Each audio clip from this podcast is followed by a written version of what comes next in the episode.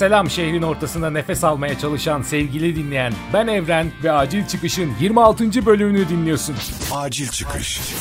Pandemi sürecinde galiba bana en çok kayan şeylerden biri seyahat özgürlüğümüzün kısıtlanması oldu. Hani bu bir otele tatile gideyim isteği değil, içsel yolculuğumu başlatan fiziksel yolculukların kısıtlanması hali. Yılın belli dönemlerinde bu yolculukları çıkarım ben. Bazen bu günübirlik de olabilir. Bazen şehirdeki müze ve sergileri gezmek, bunu bir müzikal veya tiyatroyla tamamlamak olabilir.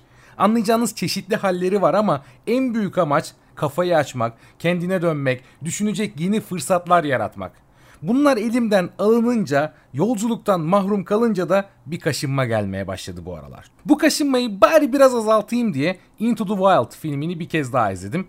Ama hiç iyi bir fikir değildi. Yaraya tuz attım bildiğin, üstünü kaşıdım, kabuğunu kaldırdım filan fistan. Bilenler bilir Into the Wild 22 yaşında sırf ailesini mutlu etmek için bitirdiği üniversite sonrasında kimseye haber vermeden yollara düşen Christopher McCandless'ın hikayesini anlatıyor. Ailesi varlıklı olmasına rağmen kariyer de istemiyorum, paranızı da istemiyorum, lanet olası kapitalist düzen, batsın şehir hayatınız diyerek yollara düşen bir gezgin kendisi.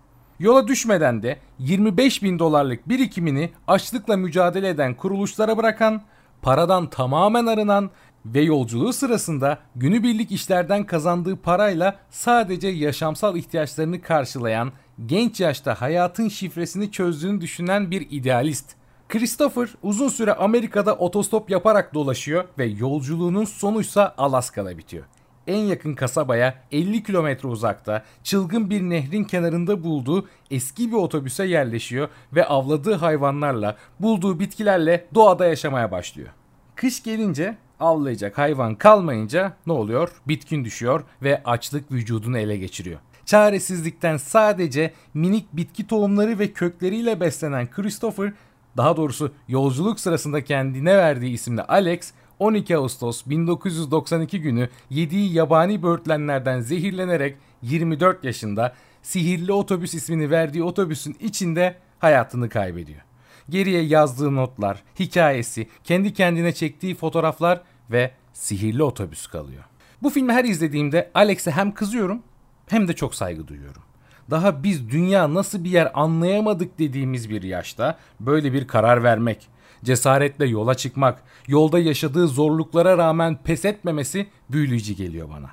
Kızıyorum çünkü kendini ölüme götürecek kadar inatçı olmasını, yemeğinin biteceğini anlamasına rağmen yolundan dönmemesini anlayamıyorum. Yaşamın anlamını doğada bulmasını anlıyorum ama bunu daha uzun yaşamak varken kendini tamamen teslim etmesini anlayamıyorum. Tabi bunu şehirde güvenli alanında söylemek kolay. Asla onun kadar bu konuda idealist olamam ama filmi bitirdikten sonra o yönümü de tanımak istediğime karar verdim. Doğadaki evren, rahatlık alanına düşkün evren bundan çıkınca nasıl birine dönüşecek, neler öğrenecek? Açtım bilgisayarı. Girdim worldpackers.com'a. Bu web sitesi dünyanın her yerinde gönüllülere küçük işler karşılığında ücretsiz kapılarını açan işletmeleri gösteriyor. Örneğin Peru'ya gideceksiniz. Bu site üzerinden orada bir hostel buluyorsunuz. Onlar da diyor ki mutfağa yardım edin, temizliğe yardım edin. Haftada işte 20 saat bizim için çalışın. Biz de size bir oda verelim, iki öğün yemek verelim. Ondan sonra sizi dolaştıralım, turlara götürelim gibi şeyler söylüyorlar. Çeşit çeşit işletme hatta bireysel ilanlar da var burada. Mesela Alberta'da yaşayan engelli bir abimiz ilan vermiş çocuklarıma bakmakta zorlanıyorum bana yardımcı olur musunuz diye. O da sana bu yardım karşılığında bu gönüllülük karşılığında 2 hafta 3 hafta evini açıyor sana yemeğini veriyor İngilizceni istiyorsan geliştirmene yardımcı oluyor gezgin bir turistsen. Neyse benim de yolum geldi ya madem dışarı çıkamıyorum Kanada içindeki ilanlara bakayım dedim. Kanada yazar yazmaz önüme düşen ilk ilan beni heyecanlandırmaya yetti.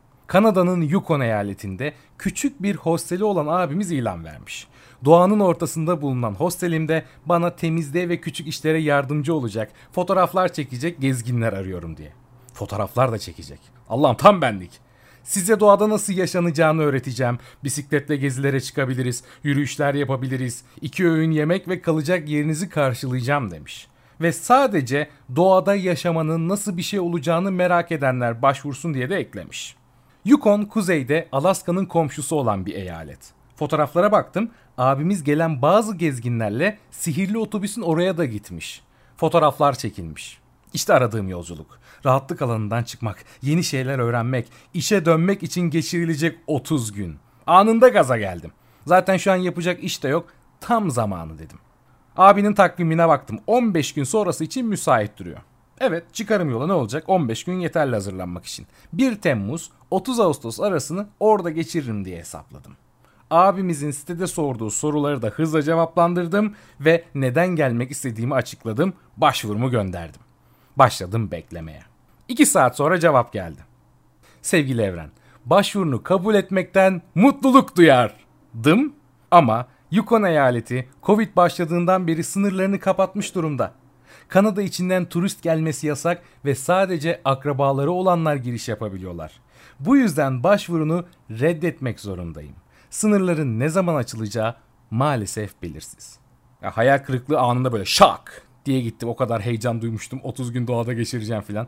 Be abi o zaman niye bu ilan açık? Madem Yukon'a kimse gelemiyor sen bu ilanı niye açıyorsun?